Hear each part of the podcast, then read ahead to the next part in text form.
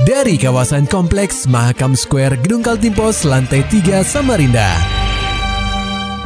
96,8 KPFM Kita akan ikuti program KP Flash News.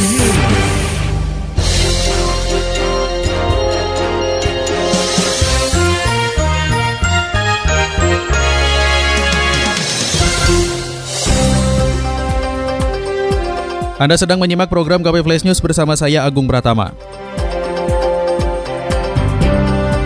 Berita utama. Soal pelang IKN di lahan warga, Gubernur Kaltim sebut hanya miskomunikasi. Berikut laporan rekan kami, Maulani Alamin. Gubernur Kaltim Isranur menyebutkan bahwa pemasangan pelang di atas lahan warga di lokasi ibu kota negara atau IKN yang ada di Kecamatan Sepaku, Penajam Pasir Utara, adalah kesalahan komunikasi. Begitu yang dikemukakan Isranur kepada awak media di Samarinda, Kamis 17 Maret 2022. Pernyataan Isran tersebut sekaligus menanggapi kabar yang disampaikan warga adat balik Yati Dahlia terkait pemasangan pelang yang tidak pernah disosialisasikan. Bukan itu hanya untuk mengidentifikasi. Batas ya Pak ya? Hanya persoalannya sekarang, waktu itu tidak dilakukan sosialisasi yang lebih luas pada saat pemasangan itu. Jadi itu menimbulkan sebuah miskomunikasi ya kepada masyarakat. Nggak apa-apa itu, nggak apa-apa. Belanda udah lari. Dari informasi yang dihimpun, sejauh ini ada dua papan pemberitahuan yang dipasang di wilayah IKN. Papan berwarna merah merupakan papan milik KLHK yang menegaskan bahwa kawasan tersebut merupakan hutan negara yang ditetapkan sebagai lokasi IKN Nusantara. Papan kedua berwarna kuning dengan tulisan dilarang masuk. KPFM Samarinda, Maulani Al-Amin melaporkan. Sementara itu mendengar KP insiden mengejutkan terjadi di Jembatan Mahakam pada Kamis 17 Maret 2022 sekitar pukul 14.00 waktu Indonesia Tengah. Seorang gadis mengenakan seragam sekolah terjun dari jembatan berusia 35 tahun itu. Dari keterangan anggota Satlantas Polresta Samarinda yang bertugas di pos polisi Jembatan Mahakam, Aibda Dedik Tetra, diperkirakan gadis itu berusia 17 tahun dan bersekolah di Sekolah Menengah Kejuruan atau SMK di Samarinda. Dedik Tetra menceritakan kronologi peristiwa ini.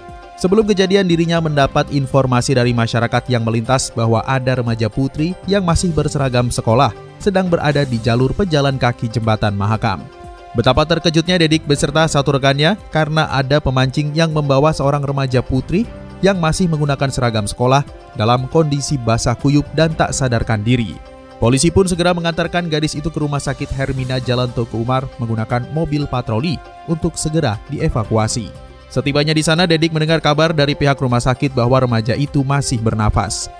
Nah, sekitar jam 2 pada saat kita standby di pos jembatan Mahakam, ada laporan dari masyarakat kebetulan pengemudi yang melintas jembatan menginformasikan kalau ada wanita masih muda pakaian seragam sekolah posisi di pinggir jembatan Mahakam, tepatnya di yang pinggiran besi itu mas, di jembatan Mahakam.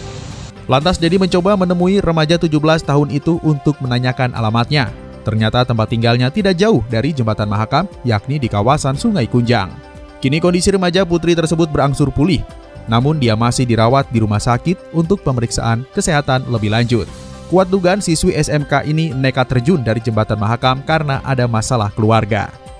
Sementara dari dunia olahraga pendengar KP atlet Anggar yang membela Indonesia pada SEA Games Hanoi di Vietnam akan mengikuti pemusatan latihan nasional atau pelatnas di Samarinda.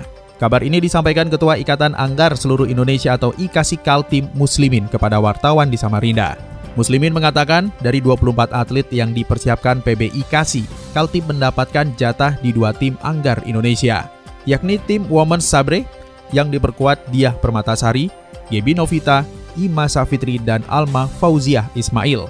Sementara Men's Epi diisi oleh Indra Jaya Kusuma, Anggi Wiliansyah, Muhammad Fajri, dan Muhammad Fahroji. Dua tim ini akan kita persiapkan e, dalam rangka persiapan SEA Games Vietnam selama di Samarinda e, dua selama dua bulan sampai bulan Mei sebelum mereka berangkat ke SEA Games karena ini menjadi prioritas e, apa nomor yang ditargetkan medali oleh PBKC Terpilihnya kota tepian sebagai lokasi pelatnas bukan tanpa alasan.